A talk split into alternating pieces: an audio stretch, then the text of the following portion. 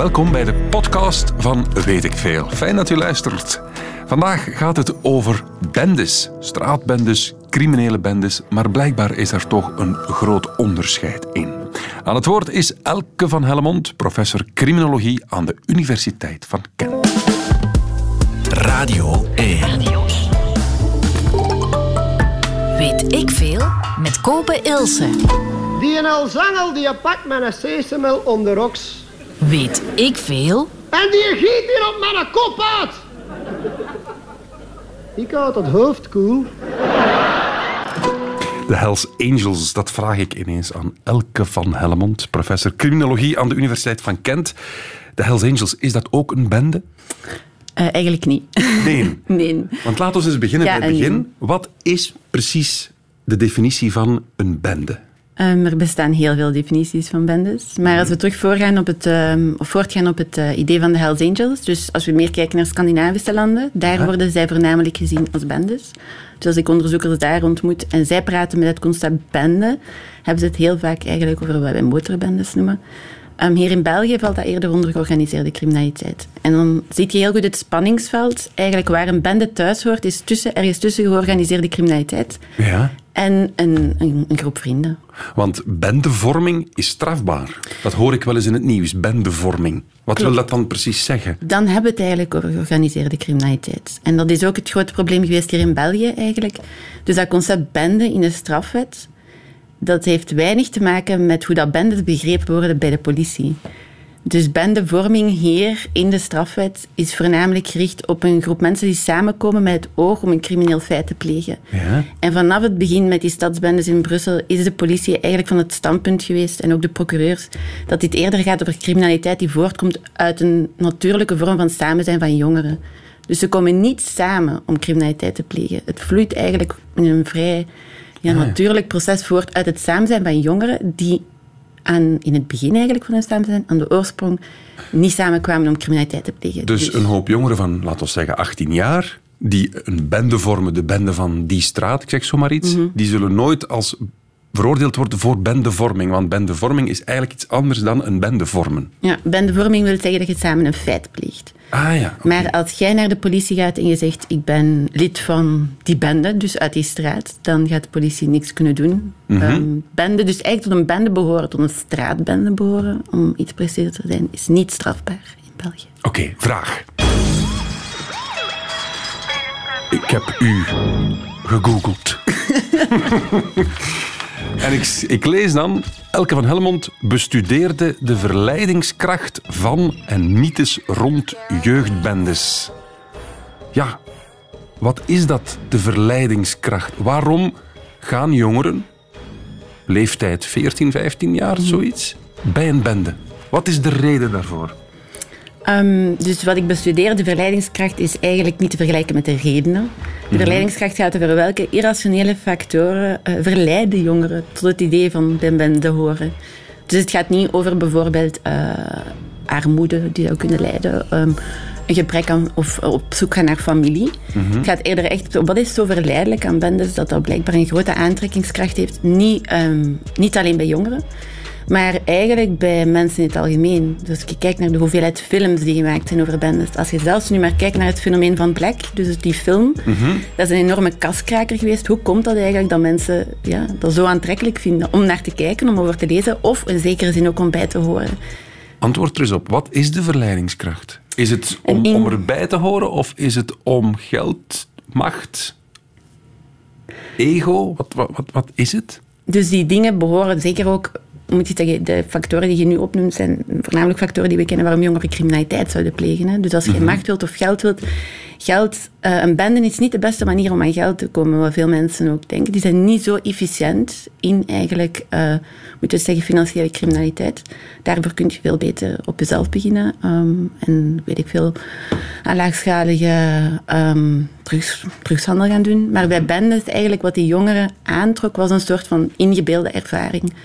Een andere ervaring.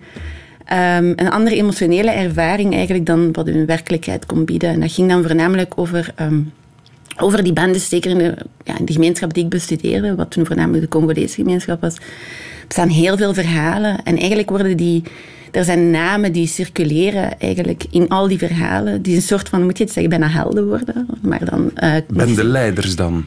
Niet noodzakelijk leiders, voornamelijk mensen of jongeren die, die, die iets spectaculair gedaan hebben. En um, er worden heel veel verhalen verteld over die bendes. En jongeren beelden zich daar een bepaalde ervaring bij in. En dat kan zijn dat zij dus in hun dagdagelijks leven inderdaad niet respect krijgen, maar ook niet, hoe moet je zeggen, ervaringen, dus emotioneel sterke ervaringen krijgen, zoals spanning of, of ja, ehm, echt op zoek zijn naar, naar, naar een ja, veel intensere ervaring. En zij geloven dan grotendeels uh, dat dat, dus bij die bende gaan dat wel oplost. Ook zien ze wel hoe dat uh, mensen reageren als zulke jongeren in de straat zijn. Dus of ze zijn er bang van. Of met de mannen met wie ik praatte, waren er sommigen die het geweldig vonden. Wij komen ergens binnen en er wordt direct een tafel voor ons vrijgemaakt. Ja. Uh, mensen lopen weg. En vaak is dat eigenlijk ook het probleem als ze later dan stoppen, uh, bijvoorbeeld, met in uh, een bende te zijn of, of dat leven te leiden. En ze gaan naar een job. Of ze zoeken naar een job. Is bijvoorbeeld bediende worden in de McDonald's niet echt een optie voor hun? Want ze zeggen, ja, wat moet ik dan gaan doen? De mensen gaan serveren die jarenlang, jarenlang bang van mij zijn geweest. Ah, oké. Dus het gaat eigenlijk het gaat veel verder dan een puur zoeken naar respect. Dus heel vaak zijn het ook jongeren die echt op zoek zijn naar een bepaalde ervaring. Mm dat zijn die jongeren die eigenlijk, moet je het zeggen, aansluiten bij een groep als die groep al een bendereputatie heeft. Maar dan zijn er een, een heel groot deel van jongeren die eigenlijk verwikkeld geraken, zeker in Brussel was het geval, die verwikkeld geraken in die bendedynamieken zonder dat ooit echt gewild te hebben, zonder daar ooit echt naar gezocht te hebben. Uh, en dat heeft dan voornamelijk te maken met de vrienden waarmee ze zich associëren, die dan wel gezien worden als een bende. Vertel eens, je hebt echt opgetrokken met een bende hier in mhm. Brussel. Ja. De, de 1140, maar dat is in het Nederlands gezegd. Ja, de Ons 40. Voilà, de Ons 40. Een bende van Congolese jongeren in Evere. Ja. Waarom, je bent, ik mag dat zeggen, je bent een, een blanke vrouw. Ja. Waarom zou je dat doen? Goeie vraag, hè? Ja, en vooral werd je in de bende opgenomen. Want je, je ziet er waarschijnlijk wel net iets anders uit dan, dan die Congolese jongeren. Ik ben op alle mogelijke manieren verschillend. Hè. Ik ben vrouw, zij waren man. Ik ben blank, zij zijn uh, zwart. Um, ik ben Vlaamstalig, zij waren Franstalig. Of Lingala. Maar je hebt wel een huig dus dat, dat, dat, is al toch al een stapje in de richting. Allee, dat is fijn. Dat is iets wat gelijk had. Hè. Ja. Uh, nee, dus, maar eigenlijk, um, dat is een enorme discussie ook in antropologie en ook in criminologie en sociologie. Van in hoeverre moet je dezelfde zijn om eigenlijk zo'n fenomeen te kunnen bestuderen en beide kanten hebben voordelen. Mijn voordeel was omdat ik zo ongelooflijk anders was, eigenlijk op elke manier. Anders was, snapte heel veel jongeren in het begin echt niet wat ik daar deed. Mm ik heb heel veel, um, bijvoorbeeld in het begin dachten ze dat ik uh, zelfs FBI-agent was. Dus hoe dat erop kwam, dat ik FBI was dan ook van Amerika, weet ik veel. Um, maar al heel snel door hadden ze dat ik, hadden ze door dat ik dat niet was. En dat was eigenlijk ook nog wel een grappig verhaal dat het eens kwam. En dan... Um, Goh, dat, zijn zo de gênante momenten van veldwerken. Dus um, ik was eigenlijk behoorlijk onvoorbereid op alles. Ik praatte nauwelijks Frans. Uh, ik wist niet veel wat ik daarnet ging zien. Maar ik hoe doe je dat? Ga je dan naar het, het basketpleintje of de, de, de straathoek waar die jongeren rondhangen en zeg je hallo, ik ben Elke, bonjour? Nee. um, hoe dat eigenlijk verlopen is, ik was op een conferentie, ik had mijn onderzoek gepresenteerd. Daar zei iemand, er is in Everen een preventieambtenaar die bezig is met die jongeren. Ik had die gecontacteerd. En eigenlijk, ik ging hun helpen met een project. Dus een meer academische achtergrond voorzien van een project. En in ruil uh, zou ik veldwerk mogen doen, dus in Everen. En zij hadden een straathoekwerker, um, die ook van Congolese oorsprong was. En eigenlijk hebben ze mij gewoon veldweg opgedrongen aan hem. En gezegd, neem maar mee. Oké. En dat was direct bienvenue? Non, pas du tout. Nee, nee, nee, absoluut niet. Ik bedoel, één, ik praat nauwelijks Frans. Twee, wat, wat, moest hij met mij aanvangen? Ik bedoel, wat, wat loopt, nu loopt daar ineens een blanke vrouw naast u. En jij moet daar... Ze praat dan nog nauwelijks Frans. Ze zegt allemaal rare dingen. Wist ik ook veel wat ik daar moest zien. Ik weet de eerste keer dat we naartoe gingen, vroeg hem, wat ga ik zien? En hij zegt, ja, wat denk je dat je gaat zien? Jongeren, hè? Wat, wat, verwacht je nu eigenlijk? Dus je merkte wel, hij vond mij eigenlijk helemaal niet tof in het begin. Ah, Hij vond dat niet zo leuk. Nee. Maar um, hij had een goed gevoel voor humor. En uh, ja, ze hebben eigenlijk een ongelooflijk gevoel voor zelfspot. En zo is dat eigenlijk aan het rollen gegaan. Ik, dat was toen ook heel hard die spanningen eigenlijk tussen Wallonië en Vlaanderen. Dus in die periode heb ik mijn veldwerk gedaan, in Vlamingen eigenlijk ook een deel werden gezien, toen toch zeker door hen, als degene die Vlaanderen onafhankelijk wouden hebben van uh, Wallonië. En dus ook wel behoorlijk, uh, ja, soms wel als racisten gezien werden. Dus het was al heel vreemd dat ik daar kwam. Maar ik heb daar heel veel mee gelachen, ook met Vlaming zijn en wat dat betekende. En zij deed dat eigenlijk ook.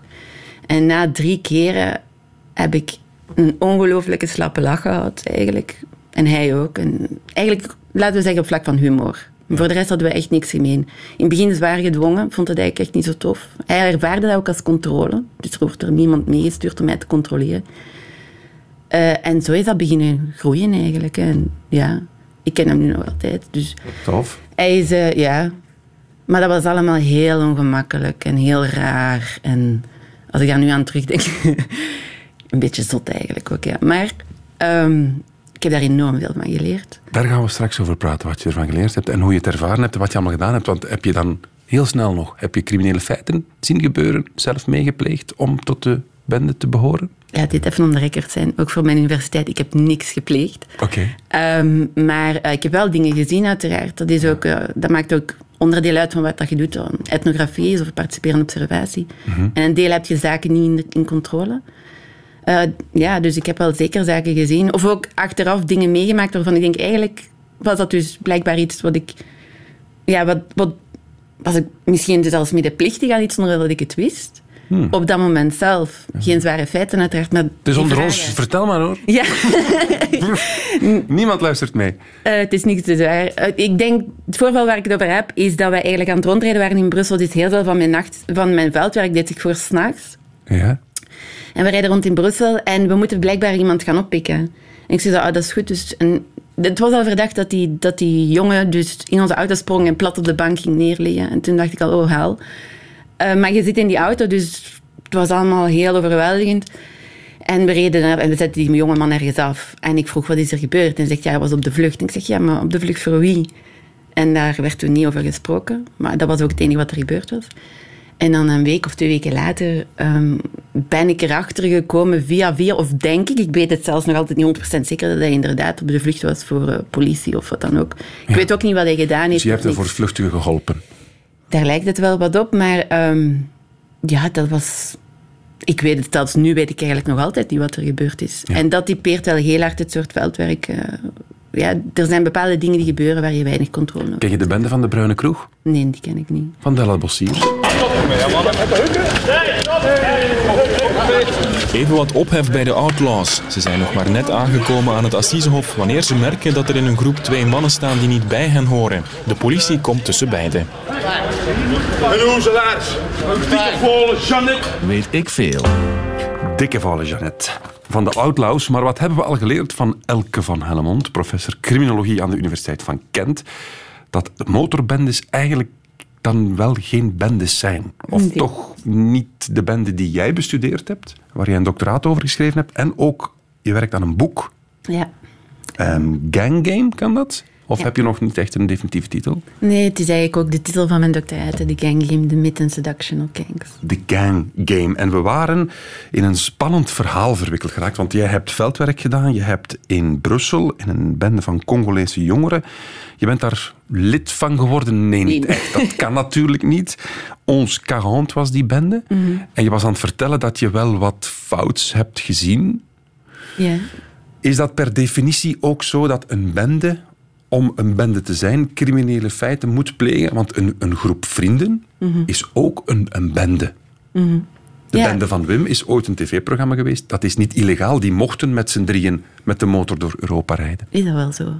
Nee, um, wat, ik, is dat, wat ik wil zeggen, um, dat is opnieuw een enorm punt van discussie. Maar eigenlijk, het hele debat gaat over in hoeverre...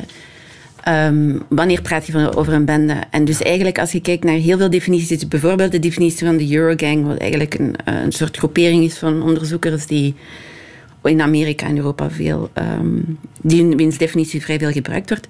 Ik heb drie zonen, um, drie zoontjes. Als die samen buiten, voor de stoep van ons huis, marihuana bijvoorbeeld beslissen te roken en dat Mhm. eigenlijk drie jaar lang doen, dan zouden zij al onder die definitie kunnen vallen van een stadsbende. Omdat er eigenlijk gezien wordt dat illegaliteit deel is van de groepsidentiteit en dat wordt dan gemeten aan de hand van het het gezamenlijk plegen van criminaliteit.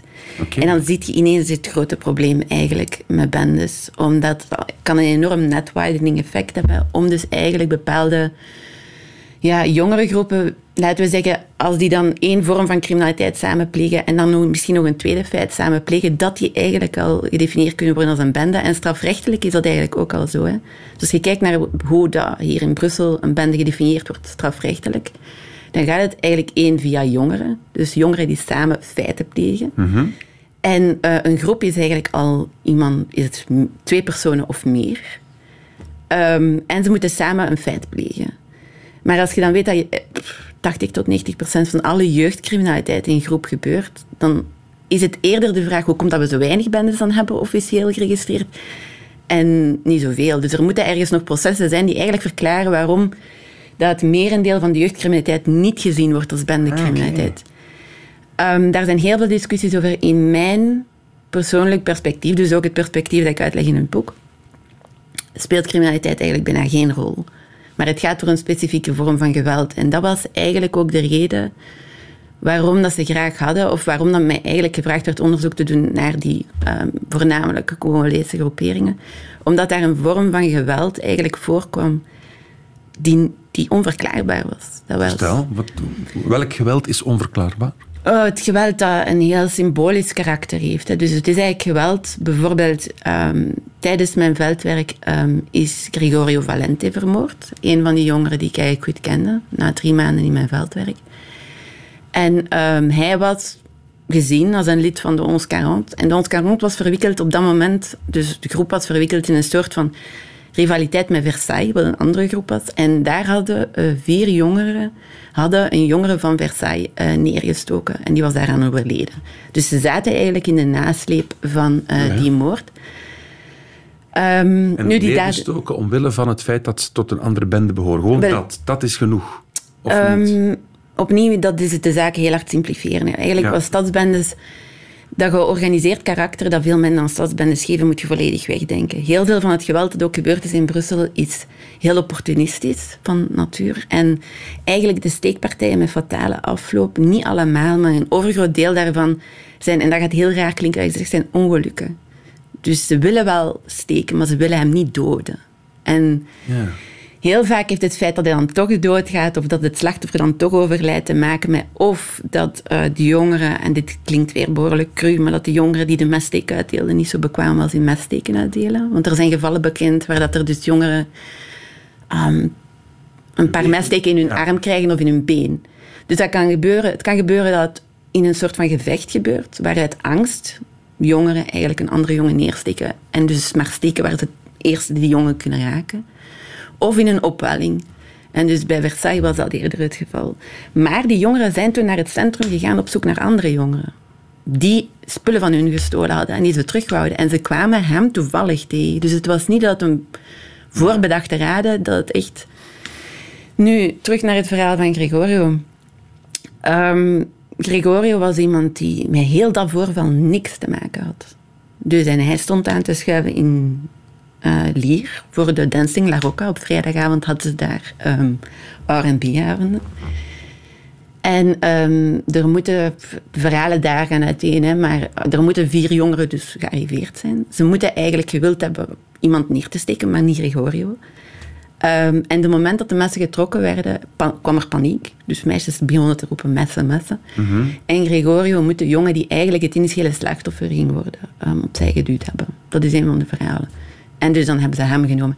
Het hele idee dat de boodschap wel overkomt door iemand neer te steken die weinig te maken heeft, in zekere zin, die zeker niet tot de daders behoren van die eerste groep, um, kun je niet verklaren zonder dat bendeperspectief in ogen te nemen en zonder de verhalen um, in Um, zonder rekening te houden met de verhalen die de grond eten. Zonder rekening te houden met het verhaal dat zich afspeelt tussen de ons 40 en de Versailles. Ja. En dat is wat ik bedoel. Dat is een vorm van geweld die puur irrationeel is. Mm -hmm. Maar je bent daarnet begonnen met te zeggen, die jongeren zijn eigenlijk gewoon op zoek naar een identiteit. Mm -hmm. 13, 14, 15 jaar zoeken een identiteit, dus gaan bij een bende. Maar er is wel een groot verschil tussen die zoektocht naar identiteit en dan op restaurant een tafeltje aangewezen krijgen omdat je bendelid bent en effectief iemand gaan, gaan neersteken. Er moet toch een, een bepaalde evolutie gebeuren dan.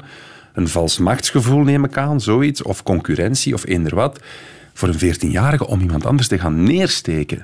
Ah, maar het ging er al zeker niet om 14-jarigen. Ze waren dus, Dus het ook begint heel, jong en het mondt dan uit in, in, in ergers. Is het per definitie, als je als 14-jarige in een bende terechtkomt, dat je het pad kwijt bent, dat je sowieso in de criminaliteit terechtkomt? Maar weet je, het hele concept van het idee dat er een bende is en dat een jongen zich daarbij aansluit, is in zekere zin al een soort van misvatting. Die groepen bestaan, die, die, die zijn geen band, die, die ontstaan niet als een bende, die ontstaan als een groep jongeren.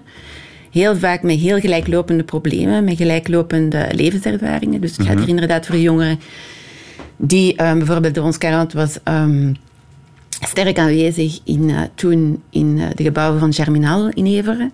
Het gaat over jongeren die, die heel gelijklopende levenservaringen hebben. Die komen samen. En ehm, eigenlijk gebeurt er weinig. En vaak gebeurt er iets in een conflict met een andere groep jongeren. En zo gaat het meestal van start. Maar die jongeren zelf hebben nooit de intentie gehad een band op te richten. Mag ik, mag ik de vraag stellen, ben je misschien soft geworden omdat je ze kent? Want wat je nu zegt klinkt heel bizar, vind ik. Ik Is denk, het omdat je ze kent, omdat je hun verhalen kent, dat je het misschien wat relativeert? Want het blijft wel geweld, hè? Nee, maar daar wil ik ook nog wel even... Het gaat eerder... Dus we zijn vertrokken van het feit dat je zegt van... We sluiten dan aan bij die bende. Wat ik probeer te zeggen is die bende... Die, die, dat is niet van de ene dag op de andere dat dan bende wordt. Dat zijn heel, heel veel dynamieken. Er is een normalisering van geweld.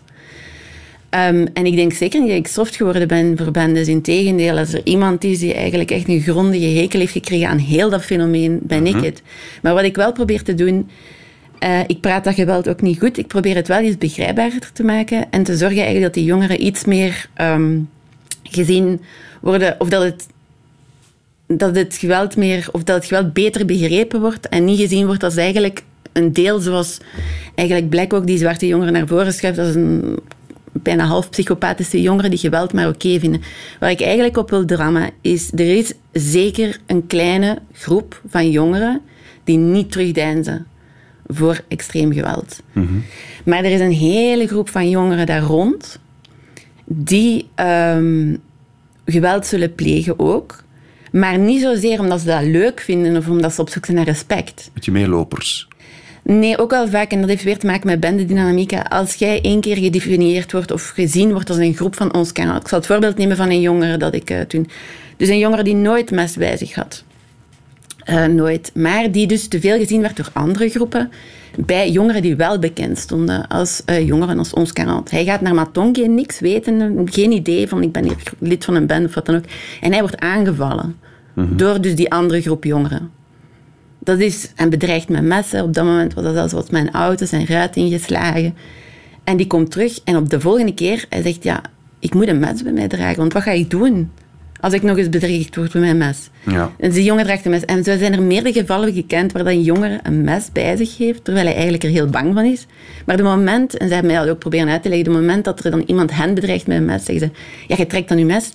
En eigenlijk hoopt je dat de andere gaat weglopen. Maar als dat niet gebeurt, Dan is prijs. en dan is het dus ook, waar, waar ik het over heb, mijn ongeluk, die jongeren zijn eigenlijk bang.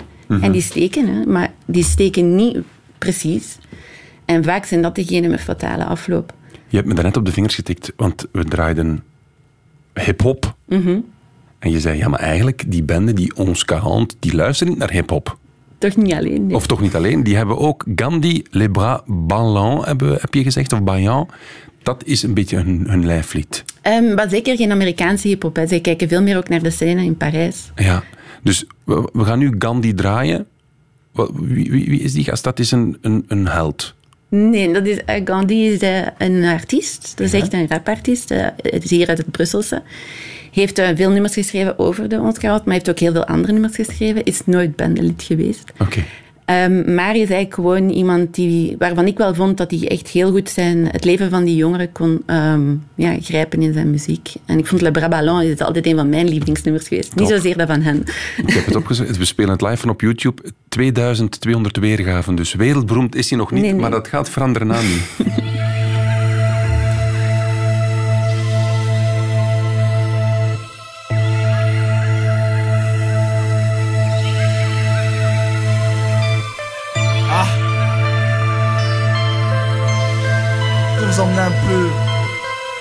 Côté dark de Bruxelles, tu vois. C'est PX. C'est un peu dark, c'est un peu sombre.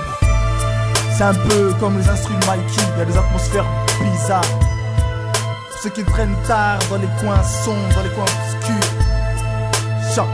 Ah. Ah. Atmosphère suspecte. Ah. Tchè. Le regard dans le vide.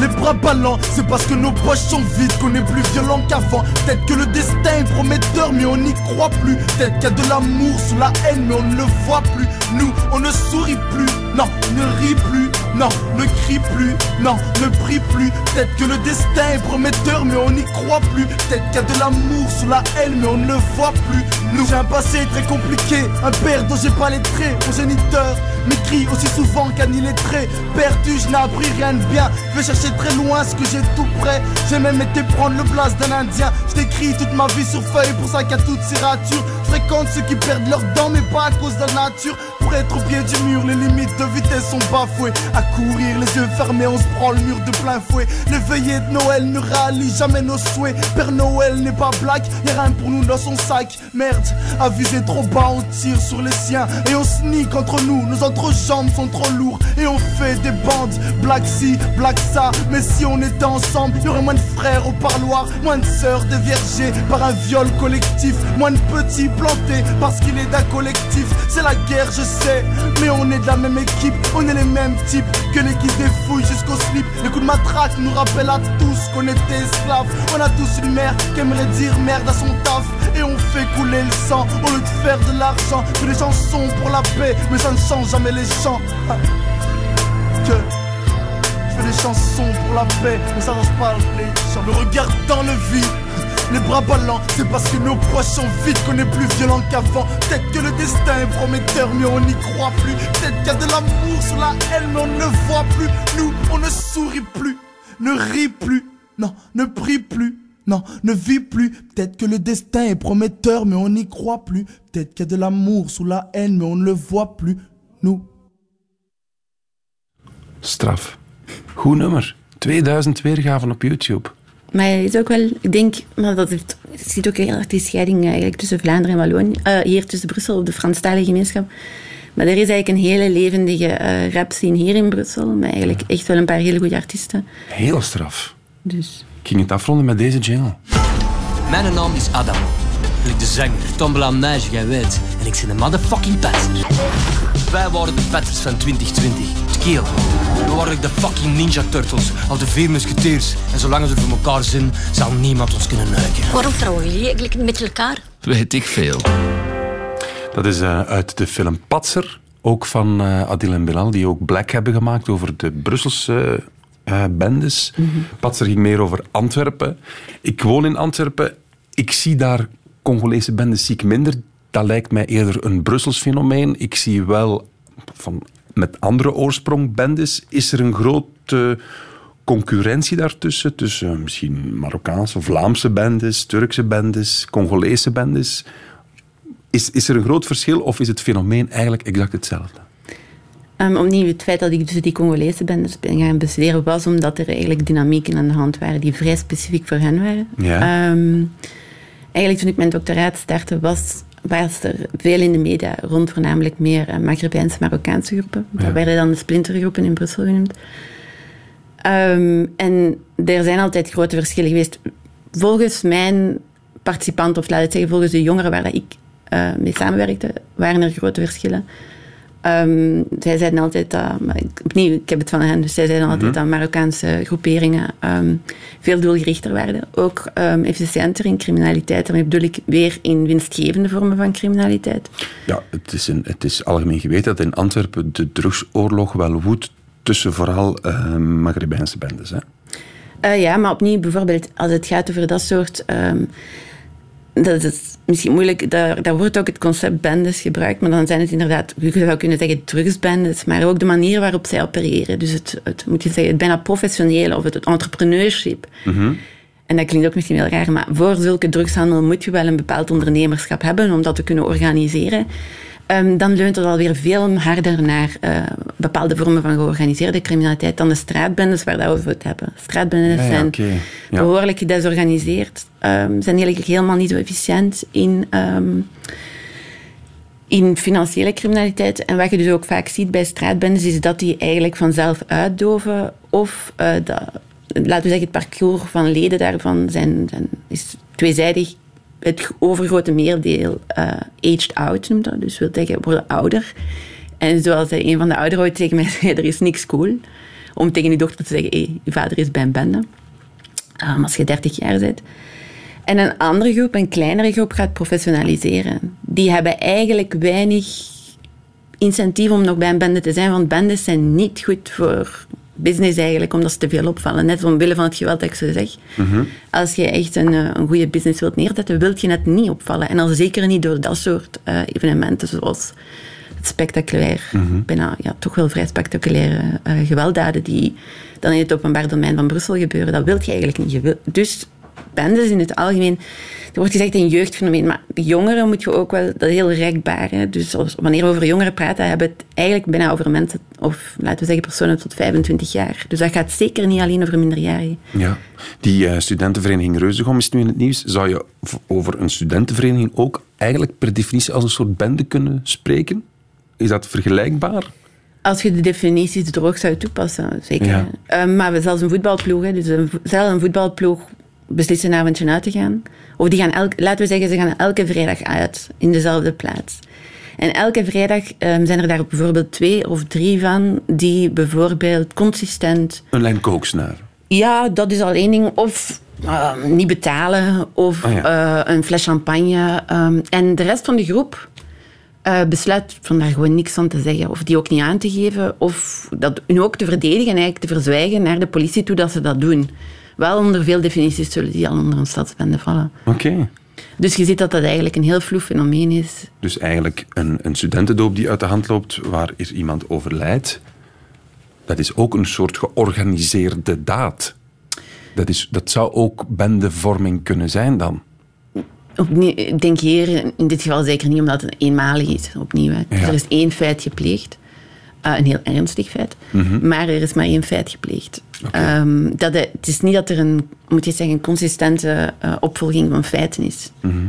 Vergelijk België eens met de rest van de wereld. Zij, hebben wij er veel last van, tussen aanhalingstekens? Of is het hier in België eigenlijk nog relatief rustig qua bendes?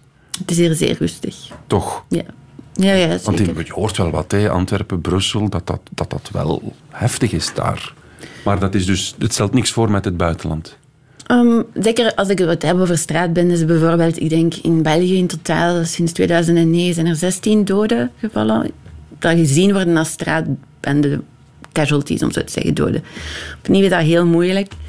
Want als een bendelid sterft, wordt dat gezien eigenlijk als, uh, zeg het zo, als een dood in het bendemilieu. Maar ik heb zo reporters gehad die mij dan um, opbellen daarvoor. En dat gaat dan over een man die nu al 233 is, maar ooit bendelid is geweest en die duidelijk niet gestorven is in een bendecontext. Maar dat gaat wel in de bendestatistieken, zo'n Och. zaken.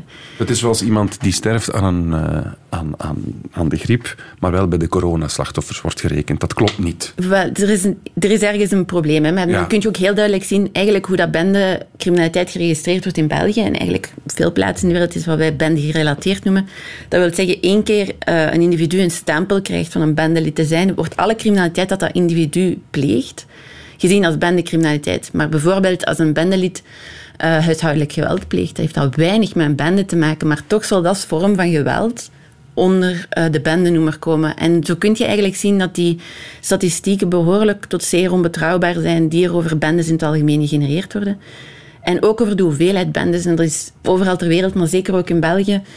Um, daar hangt heel veel van perceptie af. En eigenlijk ook van uh, de, moet je het zeggen, de bereidheid van de politie om bendes te registreren. Mm-hmm. Dus want zij, um, zoals dat hier gebeurt, um, is dat voornamelijk de politie die het initiatief neemt om een bepaalde groep jongeren uh, tot een bende te definiëren. Dat wordt dan voorgelegd aan de procureur, wordt gekeken of er, gedaan, of er, uh, er wordt gecheckt of er voldoen wordt aan de formele criteria.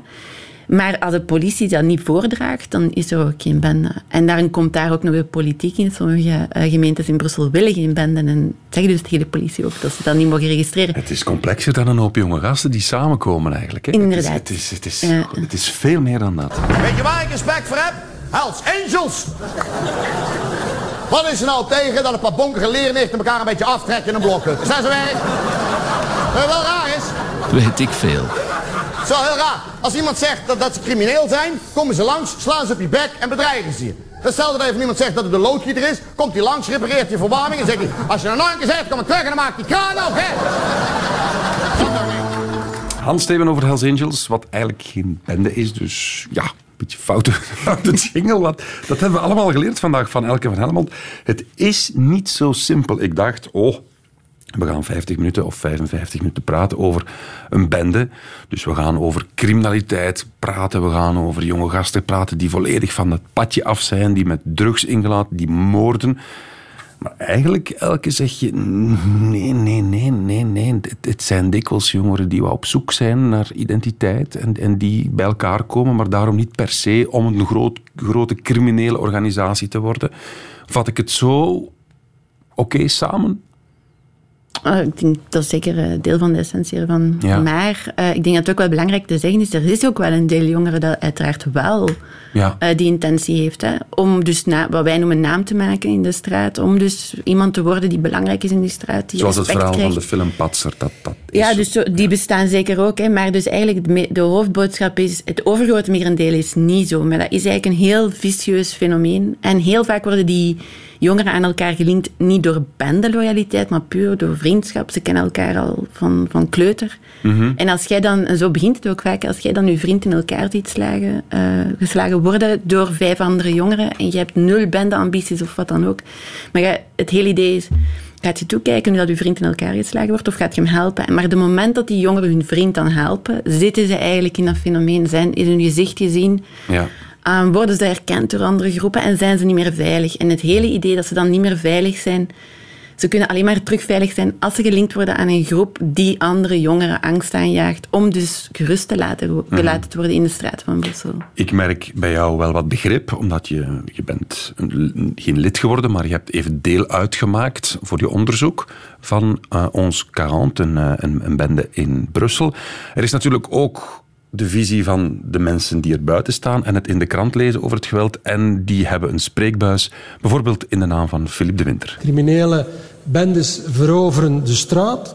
Het gezag van de politie en de overheid wordt vervangen eh, door de wet van de sterkste. In dit geval de jeugdbendes, eh, de drugdealers en aanverwanten.